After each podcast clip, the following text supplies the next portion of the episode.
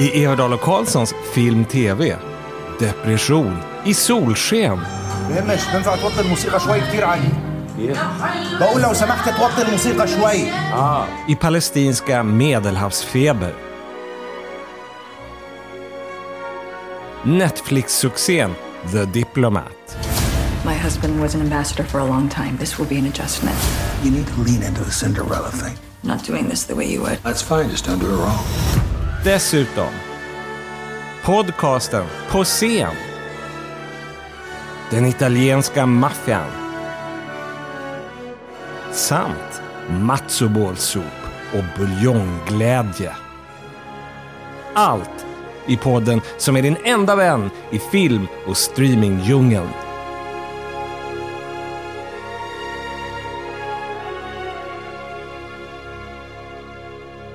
Hej och välkomna till Everdal Karlssons Film TV vid ett köksbord som brukligt i Vasastan i Stockholm vid Odenplan och här sitter jag Göran Everdal med Johan Andreasson Tjenare. och Seger Karlsson. Hej. Och det här är alltså april månads podcast officiellt, men eftersom mars månads podcast var så sen så blir den här också precis i sista sekunden i april, eller kanske till och med i början av maj. Men det är ändå aprils podd. Då är frågan, nu när vi är så sällan, jag har fortfarande inte vant mig vid att vi är månadspodd, det hinner ju hända en del mellan gångerna. På min front till exempel, en stor sak i mitt lilla liv, vårlökarna på min balkong har börjat blomma. Till och med tulpanerna. Ja. jag känner, vilken Ja, respons. men jag ska vara lite intresserad. Ja. Visst, då vill jag bara fråga, det är sånt där som du, det är inte så att du köper färdigt och liksom bara planterar ner dem, utan du sår, nej, vad säger man? Du, Nej, nej, alltså jag köper lökar på Ja, ja, ja. hösten. Så, På hösten och så Ja. planterar de. Jag vet inte om man säger sår om nej, lökar. det gör man nog inte. Nej. Det Ja. kanske, ja. Och sen nummer två, som ni då känner men inte lyssnarna, så har jag blivit buljongtokig. Det står en buljong och puttrar i tryckkokaren i detta nu. En, Jo, men det är ju bekant. Det blir en väldigt god buljong. Tack Johan. Det var efter påsken när jag gjorde sån här matzobolsoup, alltså judisk soppa för första gången i mitt liv, som jag bara har sett i Woody Allen-filmer och läst om i romaner av Philip Roth. Inte för att jag läser så många Philip Roth-romaner, men jag utgår från att det förekommer en matzobolsoppa. Alltså, jag har en, en sångtext i huvudet där. Jag tror att det är en låt av Slim Gaillard som heter Matsobol and Gefilte Fish. Så jag väntar med alltid Gefilte Fish till Matsobols. Matzobols älskar jag och för sig, men det är så långt jag tänker sträcka mig. Och till den gör man då sin egen kycklingbuljong och den blir så god så jag känner att det kan ju jag fortsätta göra. Så att det är en ursäkt att göra dessutom eh, ugnsrostad kyckling. Så att det här är kycklingben som ni har ätit, eller ja, ni har i alla fall ätit av samma kyckling. Alltså den blev ju väldigt god. Det var ju fantastiskt gott. Men det är buljongen man vill åt. I alla fall, just det här med tulpanlökar och buljong, det är ju inte så dramatiskt. Men eh, Sege, du hade, tra- du, har ett, du har ju ett trauma Alltså, det- att dela med dig av. Alltså det där känner jag, nu blir folk jättebesvikna. Alltså det är helt enkelt så att jag hade inte något nät i, där jag bor i över ett dygn. Det började igår lunchtid. Det, det innebar liksom, jag kunde in, överhuvudtaget inte titta på tv, jag kunde inte, eh, ja bredband, jag kunde inte liksom... Men vad, varför då? För att det bara var avbrott? Ja, jag, jag vet inte, men vad tror du? Liksom, jag tror att Tele2 ringde hem till mig och jo men Seger, nu ska vi berätta. Nej, men jag gick Jag in... anar Putin bakom Ja, det hela. Tack vare, tack vare att man har en mobil så är man ju inte helt isolerad när sånt här händer numera. Så då kunde jag ju gå in på Tele2s hemsida, vilket jag gjorde med oerhört ja, frekvens. För man liksom bara, men, åh, har de inget nytt? Och det var hela tiden, ja vi har störning och vi jobbar på, kommer snart att komma igång och sådär. Och, och det stod det redan igår. Och när jag vaknade idag på morgonen, då kände jag ju att man tar liksom för givet att men det är klart att det är fixat över natten. Och det var det inte. Du är en internetkid. Men nu, precis innan jag i princip kom hit, så kom det igång. Jag ser det här helt ärligt, att jag är så lättad för din skull. Alltså jag skulle inte ha klarat av det. Jag sitter här och skojar, men liksom, jag skulle naturligtvis ha varit helt knäckt om det hade hänt mig. Ja, men det är, det är irriterande. Och speciellt sånt där som, ja, jag behövde titta på grejer för jobbet och sådär. Inget, alltså, även stream, alltså det gick ju helt enkelt inte att, jag, men- jag menar inte att det gick inte att titta på, vad heter det, sån här gammal-tv, linjär-tv. Det gick liksom inte att streama, ingenting. hårda bud. Men Johan, du, jag vet inte ifall det hörs för lyssnarna. Du är lite sträv i rösten och det har sin anledning. Ja, jag har pratat väldigt mycket om Monterey Pop eh, på scen. Alltså filmen eh, Monterey. Film, filmen Monterey Pop. Att jag, det här var ju då inte riktigt ett poddarrangemang. Alltså vi ordnar ju filmvisningar på Sita ibland, alltså vi tre och pratar om filmen. Men här så blev jag anlitad av, ja, radiolegenden får man väl säga, Lennart Wretlind som ordnade de här visningarna och det sålde så mycket biljetter att vi fick köra två visningar samma kväll, båda helt fullsatta.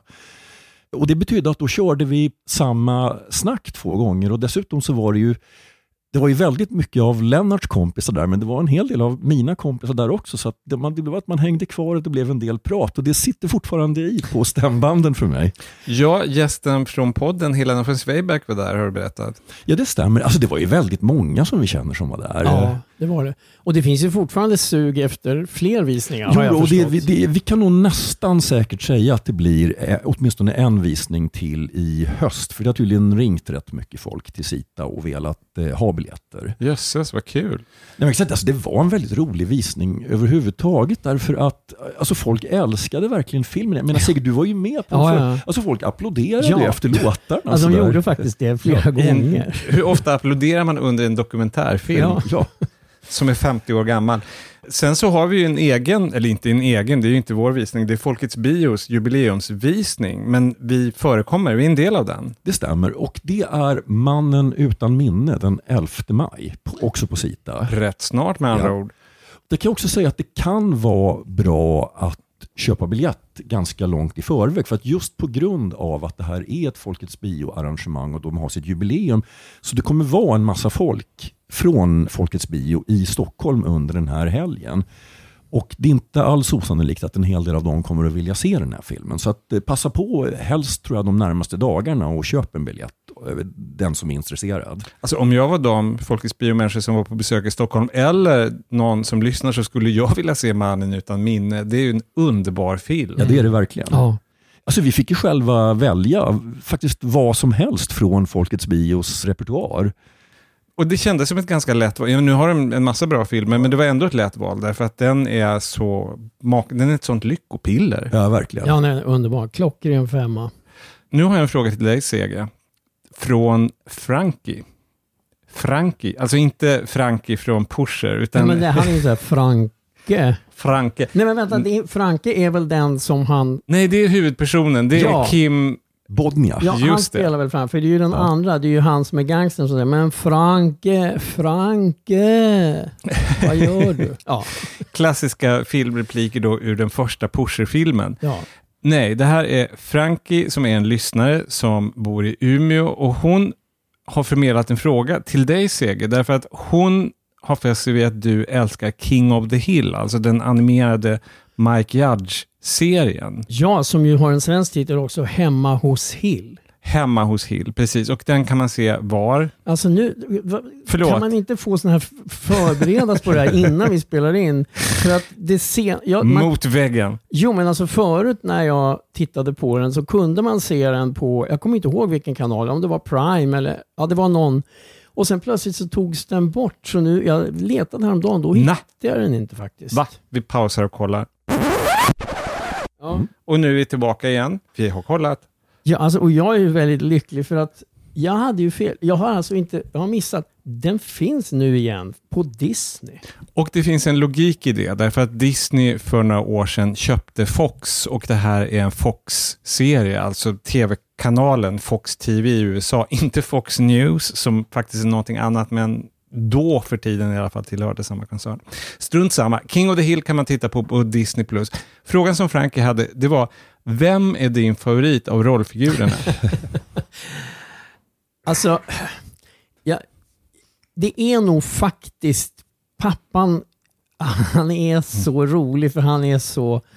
Och han blir så generad av så många grejer. Och, och, och, och, I didn't marry you because I need someone to cook and clean for me.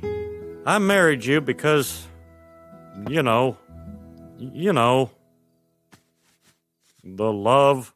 Oh, Hank. och tycker liksom att... frun är lite för sådär, lite friord och så. Han är, han, han är väldigt rolig. Och sen är jag väldigt svag för sonen också. Det var min gissning att du skulle säga sonen, för jag, jag vet att du, att du tycker att han är kul. Jo men sonen är också jättekul. Alltså det är... Men han är, han är ju inte någon Bart Simpson busfrö. Nej, nej, han är ju mycket, mycket snällare än Bart och så. Fast liksom... Den tröskeln är ju ganska låg i och för sig. Fast jag menar, nu, nej, don't get me started, för just nu kommer jag ihåg hur kul mamman är. Hon är ju henne älskar jag också. Sen har de ju färgstarka grannar. Alltså överhuvudtaget den här serien, jag har ju inte alls, det är inte som med Seinfeld att jag har sett allting. Jag har jättemycket kvar. Men eh, Ja, det, det finns massvis av säsonger, mm. att minne av att det, det, är en sån här doldis-serie som måste ha varit någon, för det är ganska dyrt att producera animation, även om det är enkel animation, så att, den ja. måste ha gått bra. Ja, jo, det gissar jag också. Det här var ju då efter att han hade, han slog väl igenom med Beavis and Butthead kan man yeah. säga. Men jag vill bara säga nu, folk som, jag vet så många, jag tycker Beavis and Butthead är kul, till och med filmerna. Men jag känner många som tycker, oh, som bara stönar. Och alltså, Hemma hos Hills är något helt annat. Slas, Mike Judge? Ja, mycket mer. Aha. Ja, men alltså just på tal om att den här rimligtvis måste ha varit rätt populär, att det är väl, alltså jag har sett lite grann av Hemma hos Hill och den, den känns ju liksom i vad säger, anslaget betydligt bredare än många av hans andra grejer. Mm. Så jag kan absolut tänka mig att en typ liksom medelamerikansk publik kan få ut någonting av det här. Ja, gud, men det tror jag även en medelsvensk, om de ja. bara har lite humor och intresse för människor. Men det är lite intressant att det finns den här typen av amerikanska serier som är stora framgångar, som liksom går helt under radarn därför att vi, kritiker i Sverige, inte för att vi är huvudpersoner i det här dramat, men tv-kritiker i USA och folk som skriver om, om showbiz överhuvudtaget struntar i dem. Alltså praktexemplet på det är ju Yellowstone som går på Sky Showtime i Sverige, alltså Kevin Costner-serien, som är världens mest populära tv-serie i princip, mest sedda. Men nästan inte omskriven alls, därför att den handlar ju då om, eh, ja, typ högermänniskor. är undertexten, jag tror inte att man får veta vad de röstar på, men det handlar om ranchers i Montana. You do the math. men nu är det dags att prata om film.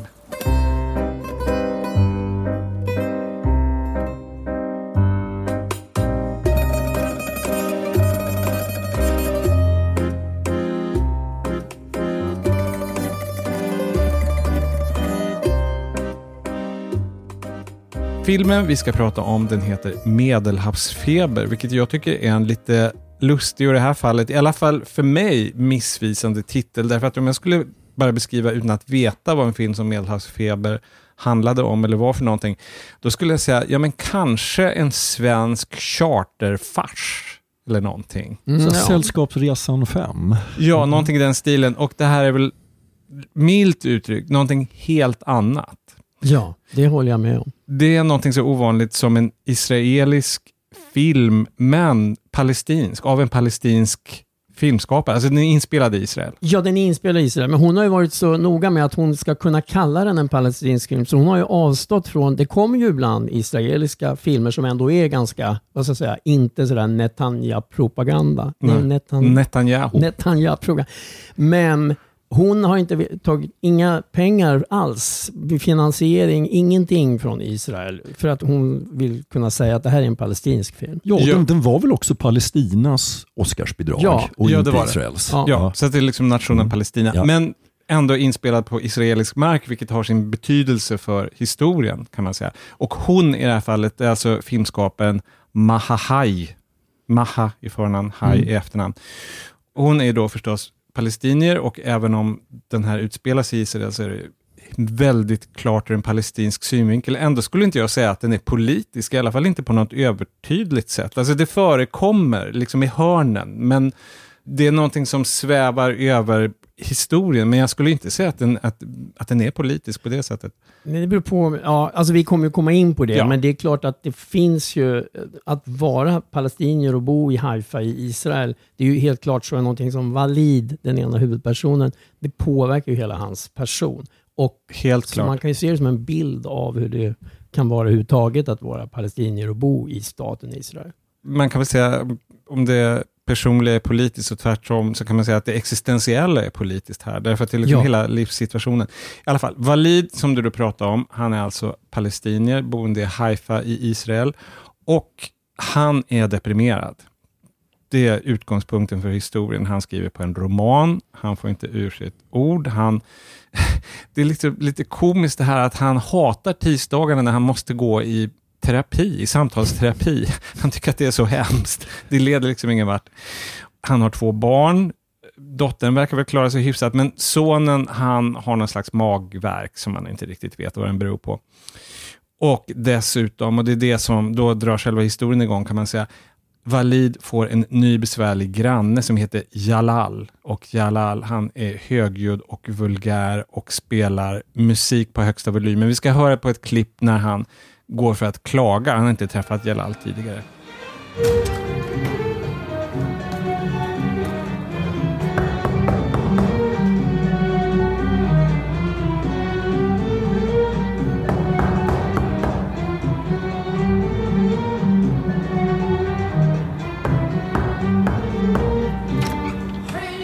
اهلا بهمش بينفع توطي الموسيقى شوي كتير عالي بقول لو سمحت توطي الموسيقى شوي اه دفوت تفضل لا بهمش مستعجل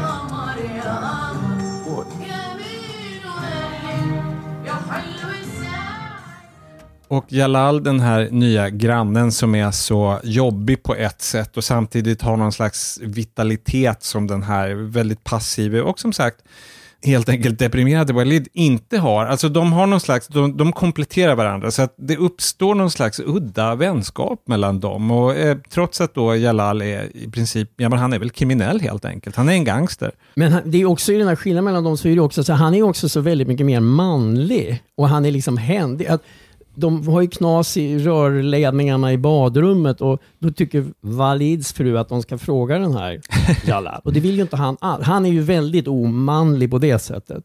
Mer en grubblare. Och Jalal, jo då, för tusan, och hjälper dem med det. Och det är liksom, Och blir ursinnig när de erbjuder pengar Ja. betalt, för det här är ju en väntjänst. han är ju, ja de är ju verkligen omaka. Men det är väl lite grann så här klassisk eh, buddy movie kombination just. Alltså två till synes omaka personer som under filmens lopp befinner varandra. Det ska jag säga, när jag såg den här filmen, då visste jag, vilket är en ganska skön utgångspunkt, jag visste ingenting förutom det här med att den var palestinsk. Jag hade ingen aning om, var det komedi, var det drama, vad, och att det utvecklas till den här liksom buddy-grejen, det kom som en total överraskning, som vi nu då spoilar för våra lyssnare, men jag tror att det gör alla recensioner. Det- det det- blir det som numera brukar kallas en bromance helt enkelt mellan dem. Och sen så förekommer det ju flera överraskningar i den här filmen som vi inte ska prata om. Ja. Därför att det är så lustigt. Jag kände när jag såg den att jag hade ingen aning om vart den var på väg. Alltså, det är rätt ovanligt, därför att ofta så passar filmer in i ett mönster. Och här finns det på sätt och vis ett mönster, de är ett omaka par. Men vad den här vänskapen leder, det överraskade i alla fall mig fullständigt. Alltså en sak man kan säga är att den här filmen fick ju pris i Cannes för, för bästa manus. Alltså hur den är skriven spelar ju verkligen roll. Och den, är- den är skriven på ett lite lustigt sätt. Alltså, alltså på ett sätt så är det en otroligt liksom vardaglig historia men samtidigt så är det verkligen det är en väldigt tajt intrig. Och det är lite som en så här gammaldags eh, novell med ja. Till och med två ganska ordentliga twists. Så jag tänkte på att det är ungefär en blandning av säg en Chekhov-novell men så är det även uppbyggt som en O. Henry-historia med en sån här liksom överraskning. Och, och Henry ska man säga då, det, det var den här amerikanen på 1800-talet som mer eller mindre, om han inte uppfann det så var det i alla fall han som populariserade den här liksom totala överraskningen, det, det ironiska slutet Ja. att nej men hängde det ihop sådär? Exakt. Slutet. Ja, Och sen så finns det ju hela tiden den här identitetskonflikten, att vara palestinier i staten Israel. Det är liksom, utan att gå in på något här, men den här sonens magsjuka, det har ju liksom med det att göra, får man ju veta. Och eh, hur han behandlas av sina lärare som inte är på något sätt penalistiskt eller så, men det, på något sätt så får han inte glömma att han är palestinier och när han ska prata med en läkare om sonens sjukdom, då är det också, jaha, och din religion är? Så att det är hela tiden närvarande, det här klassificerandet, är du palestinier eller ja, Israel? Sen är det ju så här, alltså, den här bromansen, där är det ju, det är ju ofta en del komik och så, alltså så här subtil komik. Men för det är ju en dramakomedi, men den blir ju liksom mörkare tycker jag under resans gång. Men det finns som sagt alltså roligt, bland annat en sån här scen när Walid och Jalal har ett telefonsamtal där de pratar om så här, just kriminella grejer för att Walid får för sig att han kan få hjälp i sitt bokförfattande av Jalal som har koll på den världen. Och så pratar de om sådana ja, om, grejer och samtidigt sitter de alltså på telefon, de sitter i varsitt hem. Jalal han håller på med disken och Walid han håller på och sorterar tvätten. och så frågar han plötsligt, du kan man blanda vitt och beige? Och, sådär. och det finns något kul, för de är ju, hem, de är ju på ett sätt hemmapappor. Ja, det, det är väl så de bondar första gången, Ja. att de kommer fram till att eh, det, i båda fallen så är det frun som försörjer dem. Ja. Och det är lustigt därför att det handlar ju verkligen om, på olika sätt, alltså det handlar om två män, men alltså det är ju, och, och den ena är på sitt sätt en riktig karakar, men just det här med vilken temperatur tvätten, det är en fråga som John Wayne aldrig ställde till Jimmy Stewart på den tiden. Men det finns de där komiska grejerna och samtidigt så finns det mörka moln på himlen, alltså redan från början.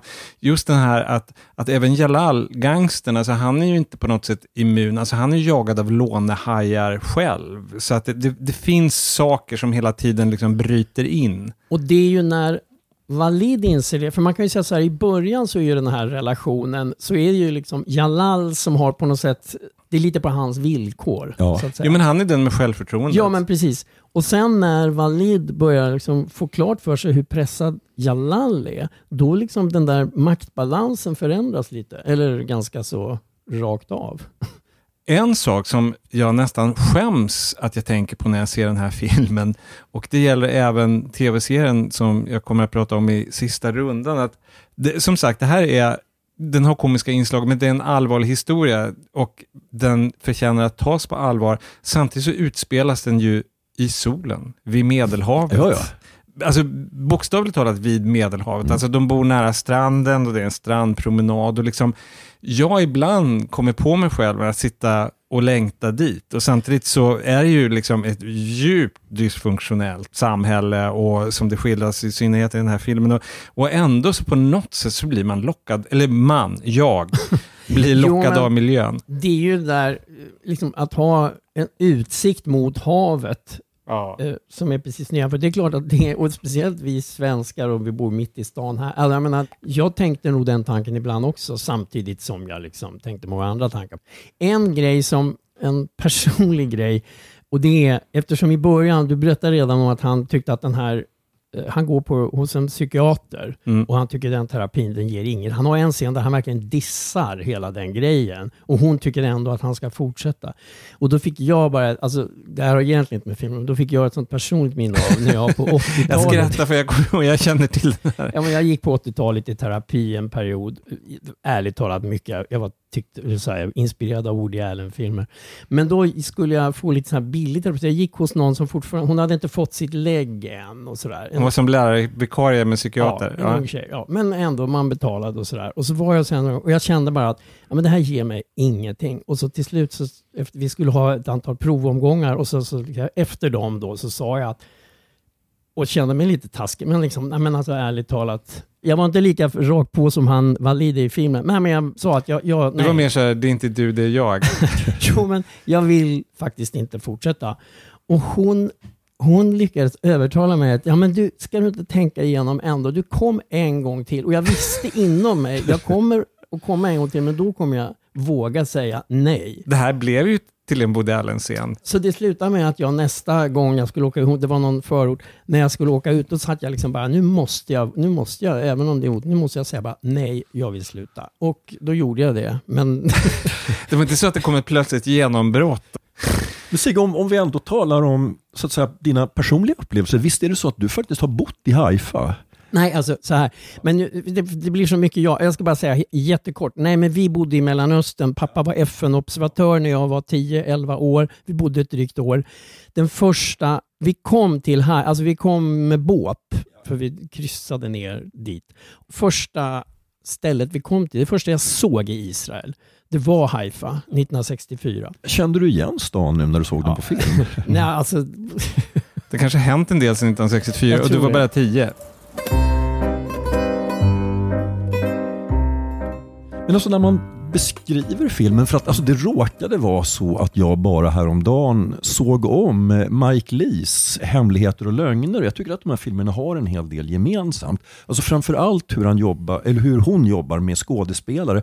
För skådespelarna, de, alltså de är verkligen sina roller på ett sätt som, alltså Mike Lee, jag vet inte hur Mahai har jobbat med den här filmen, men Mike Lee låter väl skådespelarna liksom vara i sina roller i evigheter innan de överhuvudtaget spelar. Alltså de har ju månader av, av Ja. improvisationer som sen på något sätt fästs på pränt och blir till filmen. För mig är det, alltså storyn är bra, de här överraskningarna funkar, men den stora behållningen för mig det är ändå de här två skådespelarna, hur otroligt trovärdiga de är och hur trovärdig deras vänskap känns.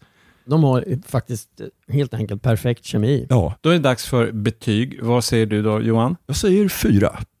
Och CG? Jo, då ska jag bara förklara att Det finns en det, fotnot. Det, det finns en twist på slutet som jag är lite kluven till. Ja. Och eh, betyget från mig blir en stark trea. Åh, nu känner jag att jag har avgörandet i min hand. Jag har ju då redan naturligtvis avgjort vad mitt betyg blir, nämligen fyra till medelhavsfeber, vilket också blir totalbetyget. Fyra stjärnor till medelhavsfeber. Och nu är det dags att prata TV. Men nej, det blir inget tv-inslag den här gången. Därför att det skulle spelas in en annan dag än resten av programmet och när denna dag inföll, ja ni har ju, då hade jag, Göran, blivit förkyld och febrig. Jag har hämtat mig från febern med snörvlar och hostar fortfarande och redigerar programmet för brinnande livet. Men vi kunde inte spela in det här inslaget för jag vill inte smitta folk. Så att vi gör det vid ett senare tillfälle och går vidare nu på stubinen till sista rundan.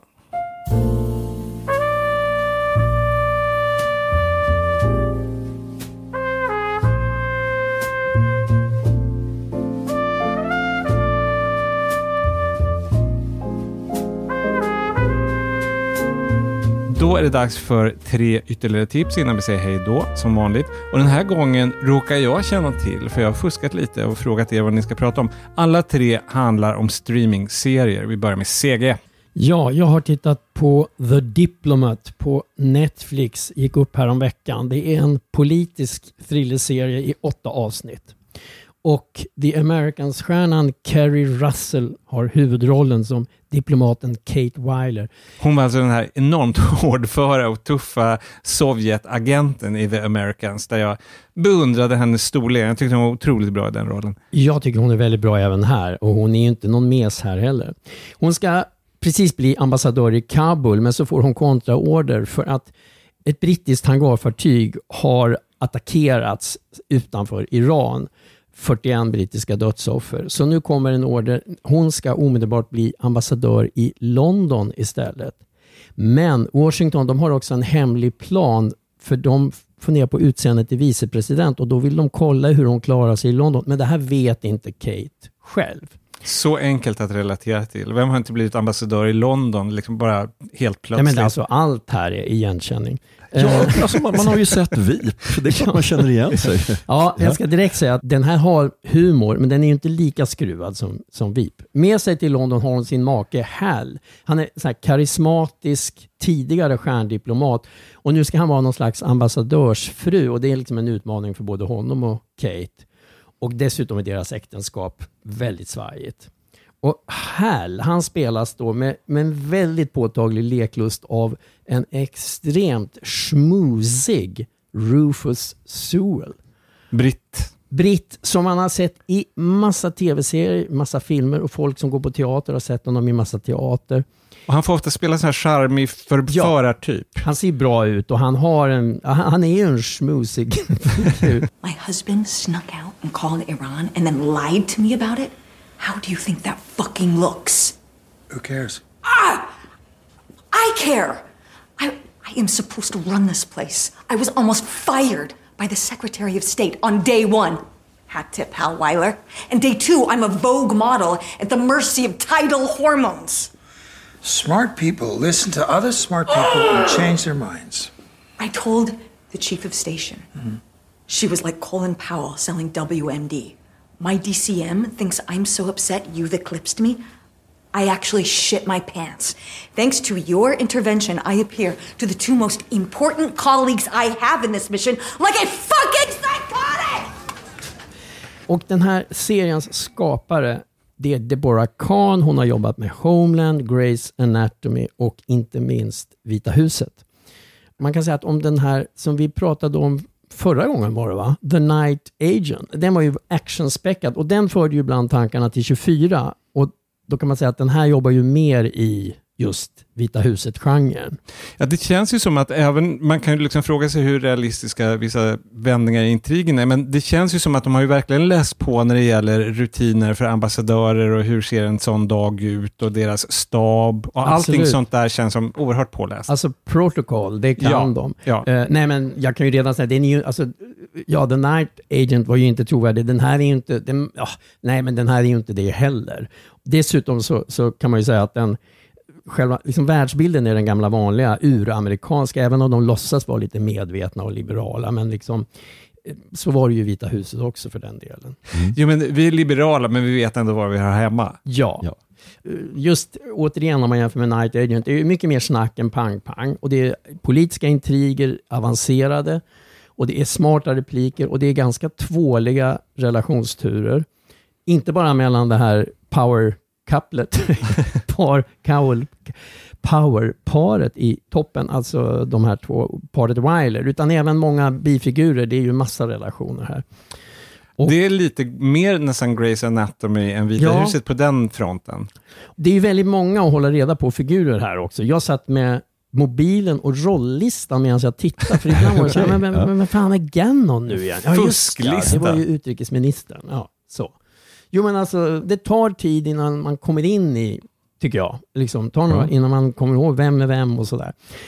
Sen ska jag säga att den här inledande smällen på hangarfartyget, det är inte någon McGuffin, utan parallellt med tvålturerna och, de, och det här rävspelet så nystar de också i vilka som ligger bakom den där attacken och liksom det är olika tänkbara. Kan det vara dem? Kan det vara dem? Alltså nationer eller organisationer. Får jag fråga bara, för jag vet att du, ja men det anar man ju nästan, att, att du hade lite kluvna känslor för Vita huset. Du Mm. tröttnade på den, kommer jag ihåg. Ja, alltså framför allt så stod jag inte ut i längden med president Bartlett. Han var så pösig. Och, Martin Sheen. Ja. Jag kan hålla med. Lite, lite mycket stråkar i bakgrunden när han pratade om USAs roll i världspolitiken. Ja. Men då är ju frågan, vad tycker du om det här då i jämförelse? På det sättet är jag lite mer svag här. Men alltså även det här paret Wilder, de är också lite väl sådär smagg. Och det är ju någonting jag kan ha svårt för. Men alltså ybersmarta.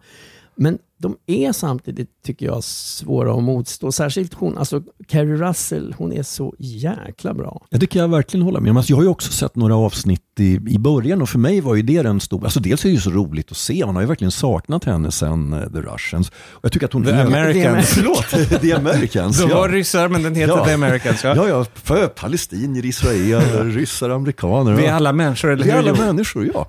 Och jag så att säga fångades direkt av de komiska inslagen. Jag tyckte den var kul, men jag hade lite svårt att engagera mig i intrigen. Och du ser att det tar ett tag att komma in i historien. Alltså, nu ska jag igen säga, alltså, The Night Agent, den var ju sådär primitivt råspännande Ja. på ett sätt som den här absolut, Nej, absolut inte är. inte. Ja. Utan det här är med, men den här är smartare och roligare. Och just humorn, ibland kan jag faktiskt tycka att humorn här kan bli lite väl tramsig för min smak. Men, men det är ändå skönt. Men den andra hade ju ingen humor, alltså Night Agent. Eh, Och sen är den här så jäkla mycket mer välspelad. Alltså, Ja, ja, verkligen. Hela ensemblen. Alltså det är så många biroller. Jag, tycker, jag liksom drar inga namn här, men det är så många som är så väldigt bra. Alltså. Men jag, gillade ju Vita huset de första säsongerna, sen tröttnade jag. Och jag vet inte, jo just det, på tal om säsonger. Den här slutar då med världens cliffhanger, åttonde avsnittet. Och jag har letat efter, finns det någon bekräftelse? Kommer det komma en säsong två? Och vad jag kan se hittills så, så gör det inte det, men det är ju För helt... det allra mesta får man ju reda på det först när de har legat ute ett tag. Det händer att de, att de beställer flera säsonger i taget, men det är ju väldigt ovanligt. Ja, men jag kan säga att de har i alla fall krattat för en sån. Okej, vi får hoppas på det. Och det är alltså The Diplomat på Netflix. The Diplomat på Netflix och jag ska prata om The Good Mothers som namnet till trots är en italiensk serie. Den lades ut på Disney Plus för sådär tre veckor sedan. Den bygger på verkliga händelser. Men får man reda på i början av varje avsnitt med vit text mot svart bakgrund att vissa scener har lagts till av dramatiska skäl eller som det översätts till numera på svenska, av narrativa skäl. ja, ja. Som är farligt nära att säga att det är av narraktiga skäl, vilket jag inte tror. Men jag bara känner, äh, jag vill inte vara en ordmärkare, men narrativa, narrativ är för det första inte världens vackraste ord, men det är ett substantiv, det är inte ett adjektiv. Kan skälen ha något med diskursen att göra också? alltså, båda de orden är ju dessutom så extremt uh, tröttsamt mycket använda numera. Alltså narrativ, man blir ju lite less på det. Och det finns ett ord som heter berättelse, kanske det kunde vara intressant att testa några gånger. I alla fall, det har ingenting med den här serien att göra, så jag, jag släpper det motvilligt. The Good Mothers handlar då om maffian i Kalabrien i Italien. Maffian som härskar där, det är alltså en av de stora, har jag lärt mig, fyra italienska maffiaorganisationerna och den heter, och den här, jag kände inte till namnet på den sedan tidigare, det kanske ni gjorde, som heter Ndrangheta. Ah, nej, alltså jag känner igen att jag har läst någon, någon sån som jag inte liksom vad är det? Alltså för man ja. är så van med, vad heter det nu igen, Camorran va? Ja. Camorran och Cosa Nostra. Ja. ja. Men det där, så jag glömmer alltid vad det heter. Säg det en gång till. Ndrangheta. hur, hur jag tvekar. Alltså jag satt i soffan, för de, de nämner det naturligtvis i serien, men inte mm. jätteofta. Utan det, så att det, då, då liksom bara försöka hugga, liksom här, sitta i soffan och härma Ndrangheta. Mm, det där att mm, mm, det, det, alltså alla ord som börjar med apostrofer, bara liksom skärpning. Men det här börjar med apostrof och sen ett stort N. Ndrangheta. Och det betyder, eh, det är gammal, typ gammelgrekiska eller någonting ursprung. Det betyder god man eller modig man, vilket är då lite ironiskt med tanke på vilka svinpälsar det är som den här organisationen faktiskt består av. Men som sagt, en av de stora kriminella organisationerna i Italien idag. Och De goda mödrarna i titeln, det är alltså tre kvinnor som har fötts in i den här gangsterverksamheten. I och med att det genomsyrar hela samhället så finns det flickvänner, fruar, döttrar, söner också antar jag, som på något sätt bara förväntas acceptera detta. Och sönerna, de får åtminstone någon slags självständig roll, men det får kvinnorna sällan eller aldrig. Det som händer i verkligheten och som händer i, även i serien, det är att en åklagare, kvinna också hon, Anna Colace, hon inser att när de ska få tag på informatörer i de här kriminella nätverken. Varför bearbeta gangstrarna och deras hantlangare som har på något sätt ett mycket större intresse av att den här verksamheten ska fortsätta. Tala istället med flickvännerna, fruarna som har dragits in i det här utan att bli tillfrågade. Se fossimo in grado di convincerle a tradire i padri che le torturano e i mariti che le picchiano. Le donne di Ndrangheta possono essere il cavallo di Troia che nessuno si aspetta. Fatta sparire. E può succedere anche a te. Fai a brava moglie, Giuseppe. Det är premissen och sen så får man då lära känna framförallt tre av de här kvinnorna. Och jag vill inte berätta så mycket mer om handlingen, för spänning bygger ju på överraskningar och det här är spännande, även om det väldigt tydligt då har rötterna i ett verkligt skeende. Men jag kan ha några observationer, några saker som jag tänkte på, det är att och det här är inte speciellt originellt, men de här männen, vilka svin. ja. det är kanske inte någon överraskning att kriminellt belastade män som försörjer sig på våld och knarklangning, att de är bufflar. Men någonting som är bra med den här serien och som man ser, om man ser på riktiga kriminella i dokumentärer och i nyhetsinslag och sådär, de är inte James Gandolfini och Marlon Brando och Al Pacino. De är inte karismatiska och spännande. De är bara liksom jobbiga, hemska typer. Och det fattar man här. Alltså på det sättet håller de sig till verkligheten. Du får jag fråga en sak? Mm. Det kanske du redan har sagt, men jag missade i så fall det. När ungefär utspelar den sig? Alltså, det, vet du det? Ja, men det är typ ett tiotal år sedan. Ah, okay. Sen så, ytterligare en sista observation som jag gjorde redan under när vi pratade om medelhavsfeber, så jag ska ta det kort. Alltså, hur ruskigt det här än är och liksom människor som mår dåligt och är livsfara, jag skärmas av miljöerna. Alltså det är så vackert i Italien. Även om det är liksom slitet och de här människorna far illa, så ja, det är ju det är väldigt liksom, atmosfäriskt, vilket är lätt för mig att säga i Stockholms innerstad. Men det är bara en del av mitt intryck av serien. Alltså de här fruarna kan säga, vi hade i alla fall tur med vädret. Ja, precis som den deprimerade huvudpersonen i Medelhavsfeber. Mm. Så kolla in The Good Mothers på Disney+, spänningsdrama ur en ny synvinkel. Gör som jag, sitt i soffan och försök uttala Ndrangheta. På tal om uttal, får jag säga en grej bara? Som Säg har att göra med vår dagens första filmrecension. Jo, för att jag sa, jag, jag var ju här, när jag skulle säga Netanyahu, så sa jag ju liksom konstigt. Du glömde hur? Nej, det var för att det kom in i min skalle Natanja, det är en israelisk badort. Ah, Och, och den liksom bara åkte in i hjärnan när jag precis skulle säga hans namn, så, så jag betonade det lite konstigt. Det var någon gubbe vid löpande bandet där i järnbarken som Ja. bara inte riktigt hann få sista stavelsen på bandet. Johan, vad ska du prata om? Jag ska prata om en serie som jag tyckte väldigt mycket om den första säsongen av, men som jag sen lite grann släppte helt enkelt. Att den för mig drog iväg på lite stickspår som kanske inte var så intressanta och sådär. Och det är The Marvelous Mrs. Maisel på Amazon Prime. Som vi pratade om alla tre en Ja, när vi hade sett säsong ett som jag nog fortfarande tycker är en av de bästa säsonger av en tv-serie som jag sett överhuvudtaget. Eh, Oj, vänta ja. nu.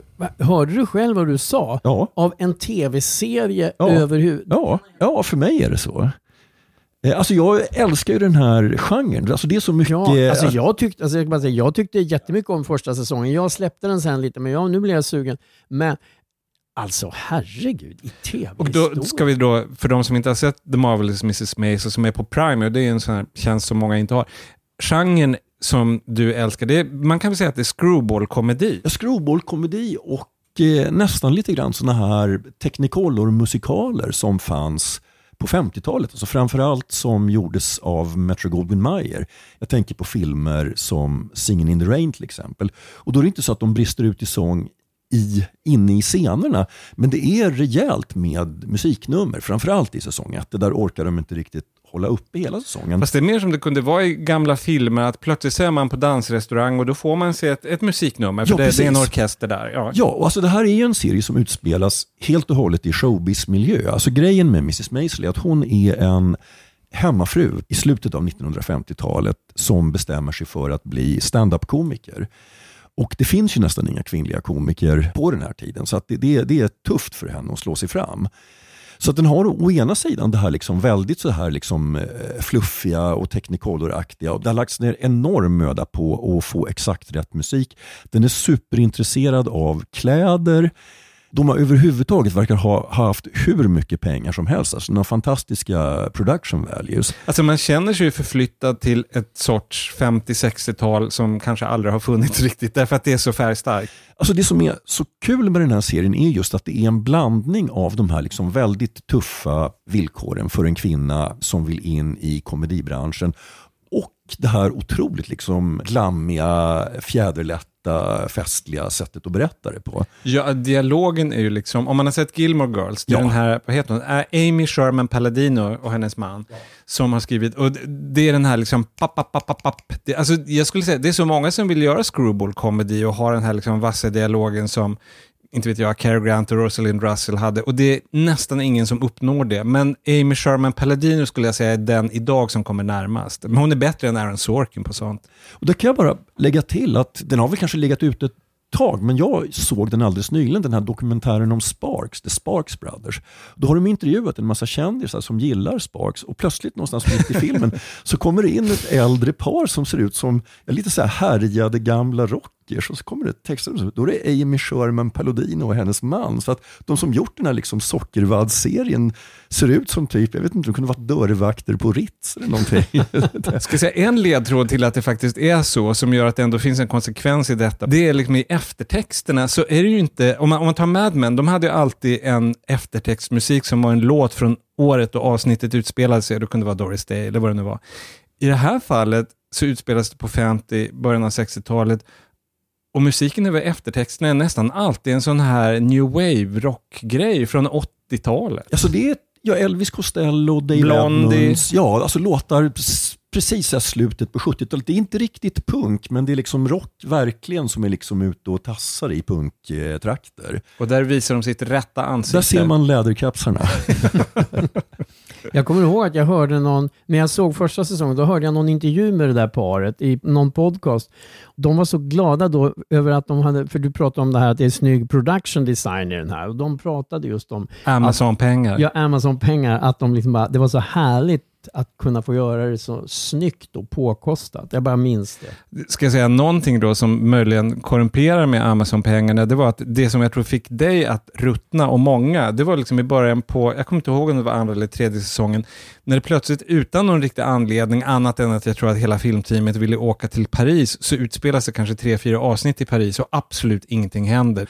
Jag tror att många släppte serien då. Jag måste bara protestera för grejen är att jag ruttnade inte, var inte därför, Nej. utan det var i vanlig ordning. Vi hade pratat om den och så var jag stressad av massa andra serier, så att jag slutade titta därför. Jag såg inte eh, det där som du berättade om nu. Om du tar upp serien igen så kan man med gott samvete hoppa över Parisavsnitten. Okej. Sen blir den lika rolig igen. Men berätta om den nya säsongen. Ja, alltså det markeras verkligen att det här är en sista säsong. För att till skillnad från de tidigare så hoppar man framåt i tiden här. Att man får se hur det har gått för de här personerna. Man får se hur Midge karriär har gått, man får se hur hennes managers karriär har gått, man får se hur det har gått för hennes barn. Och det, det, det är lite... Som är så enormt, det tycker jag är så roligt med den här serien, förlåt att jag avbryter, men hennes försummade barn. Det är inte det att de liksom på något sätt, eh, åh, du, you can have it all, du kan klara både barn och karriär. Nej, absolut inte. Och Midge försöker ju inte ens. Nej, och det är, kan jag säga är någonting de verkligen trycker på. För det, alltså det är den här just roliga balansen mellan drömvärld och eh, realism. Mama, you know there's an airport here. No, it's practically in Egypt. It's so far. הכל בסדר. זו רק אמא שלי. הם א' הקמא ניו יורק. They act like they've never seen a Jewish mother before. Well, it's Israel, Mama. Helicopters suddenly appearing in the sky make people very nervous. Who's going to invade a lettuce farm? Health-conscious anti-Semites who want a salad. För att hon är precis så främmande för sina vuxna barn som man har tänkt att ja, men så här kommer det nog att gå. Vad kul därför att jag under de tidigare säsongerna så har jag tänkt på det, liksom, de där stackars barnen som bara liksom, de är mer någon slags rekvisita, men då har de varit medvetna om det helt I högsta enkelt. grad. eh. Åh vad kul, nu ser jag fram emot att se den här säsongen. Ja, det, det gjorde jag ju för sig ändå. Ja, och då, då ska jag säga att det här är inte en sån serie som eh, läggs ut alla avsnitt på en gång, utan det kommer ett nytt varje fredag. Så att jag Är det stenålder eller? Ja, så att jag har kunnat se fyra avsnitt. Ni som hör det här, då har antagligen avsnitt fem lagts ut också. Och sen så ska jag bara säga att det som, när jag då har liksom tittat i kapp eh, på de tidigare säsongerna, att det som för mig ändå håller kvar ett intresse i serien, det är just att det är så mycket showbiz. Att hon är ståuppkomiker, men hon gör en massa andra saker också som man får göra för att försörja sig. Så att en intrigtråd i den här säsongen är att hennes brödjobb är att skriva skämt åt en populär talkshow. Så man får en massa så här bakom Mm. backstage-grejer från... Och jag menar, vi är ju alla rätt roade av gamla talkshows. Ja, och- det där låter väldigt lockande. Ja. Det är århundradets understatement. Ja. Men det är en kul grej med den här serien överhuvudtaget, att om man är lite intresserad av den här tidens showbiz så är det väldigt roligt att de blandar ju verklighet och dikt. Alltså Lenny Bruce, standup-komikern, han finns ju med som en återkommande Mm. Ja. rollfigur. Men sen så förstår man att andra har ju liksom Johnny Carson som förebild. Mrs Maisel själv är väl någon slags blandning av Phyllis Diller och Joan Rivers med, och inslag av andra kvinnor. Som, för det fanns ett antal kvinnliga komiker på den här tiden. Fler än vad man kanske tror. Och det tycker jag är en del av, av glädjen, att se liksom, mm, vad det tog de därifrån. Ja, absolut. Och det är ju även så att man upptäcker en del saker man inte kände till om gammal nöjeshistoria. Att jag upptäckte i alla fall en för mig helt okänd svart komiker som var stor i Harlem. För att det, det finns ju en säsong där Midge Maisel är eh, ja, någon sorts förband då, fast som komiker åt en soulsångare. Och, och där hamnade vi då till slut på den här The Apollo Theater i Harlem. Där den stora grejen är en komiker som heter Moms Mabley. Alltså en medel, övre medelåldern, kvinna som ungefär uppträder i städrock. Väldigt lite grann så här, alltså svarta smart amerikansk Dagmar Ebbesen kan man väl säga. Väldigt, väldigt rolig.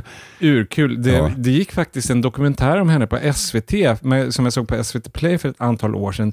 Precis som du säger, alltså hon är en sån där som det inte riktigt pratas om, men liksom vad häftig hon var och Ja. kul. Så att alltså, den här serien, ibland blir det stickspår, ibland blir det svackor, men det kommer hela tiden grejer som är jätteintressanta och den är konstant rolig. Alltså, det är väldigt, väldigt bra dialog, det är fantastiskt bra skådisar ner i minsta biroll. Och hon huvudpersonen då, Rachel Brosnahan. Ja. Känner- Oj, det till här- skillnad från Brosnan. Ja. Hon har inte spelat Bond. Det kan mycket väl, ja, alltså jag vet inte hur det uttalas. Jag det tror man säger Broschna han, men ja. Ja, jag tror att du har rätt. Alltså, det här är min vecka att inte kunna uttala saker, Ja. eller rättare sagt mitt liv. Men denna Rachel Brosnahan, det är så häftigt att hon är verkligen ankaret i serien och hon är kul. Alltså Ja. Hon är rolig hela tiden, hon har det här tempot. Och vad jag begriper så hade hon knappt spelat komedi innan Mrs. Maisel. Alltså hon betraktade sig som en dramatisk skådespelare. Jag har inte sett henne i, i nästan någonting utöver det. Jag kan inte tänka mig henne i en allvarlig roll nu. Alltså jag hade sett, alltså hon är ju rätt ung fortfarande, så Ja. nu är det ju då säsong fem, men när när serien började så var hon ju, ja klart under 30 i alla fall. Jag hade sett henne i en serie tidigare, det är den här som handlar om hur atombomben konstruerades. Det Manhattan. Manhattan, precis. Där hon hade en i och för sig ganska liten roll och eh, hennes i princip enda uppgift var att vara snygg. Och jag menar som du säger att det är också en, ett villkor för att den här serien ska funka, in- är ju inte bara att hon är rolig när storyn pågår, utan hon är ju faktiskt en bra stand-up-komiker också. Hon är ju det och det, det var tydligen det, har jag läst i en intervju, det var det hon var livrädd för. Det är det alla skådespelare är rädda som spelar stand-up-komiker, att det är en helt annan sak. Och ofta så är det precis det, inom citationstecken, riktiga skådespelare är rädda för. Så är just det här ögonblicket när man måste, när man inte har någon annans manus, när Ja. man har bara sitt eget liv, sina egna repliker, ensam med publiken. Alltså det är en skrämmande stund för någon som är van vid någonting helt annat. Ja, och hon har ett liksom brett register där också. För alltså just då som en komiker i början av karriären, så det händer ju lite då och då, alltså innan man blir van att hon helt enkelt bombar. Och hon är så att säga bra, när det funkar så är hon bra på det. Och hon kan också köra fantastiska så här floppföreställningar där ingenting är roligt. Och det går, hon gör det lika bra. Och The Marvelous Mrs. Maisel säsong 5. Japp, på Amazon Prime. Då var vår aprilpodd över, vår sena aprilpodd. Majpodden väntar runt hörnet. Sen får vi se hur vi gör i sommar, hur Mm. mycket vi tar ledigt. Det blir en senare fråga. Men för nu, som folk säger. ja. Solen skiner när vi spelar in över Vasastan. Niklas Runsten redigerade som vanligt. Och ska jag tillägga, vad kul att du som lyssnar, lyssnar. Rekommendera oss gärna om du vill till släkt och vänner. Gör det muntligt, gör det skriftligt, gör det med levande charader om så krävs. Men vi blir glada i vilket fall. Men nu är det dags att säga hej då Johan. Hej då. Hej då Sigge. Hej då. Hej då mig, Göran. Tjingeling. How do you think that fucking looks? Who cares?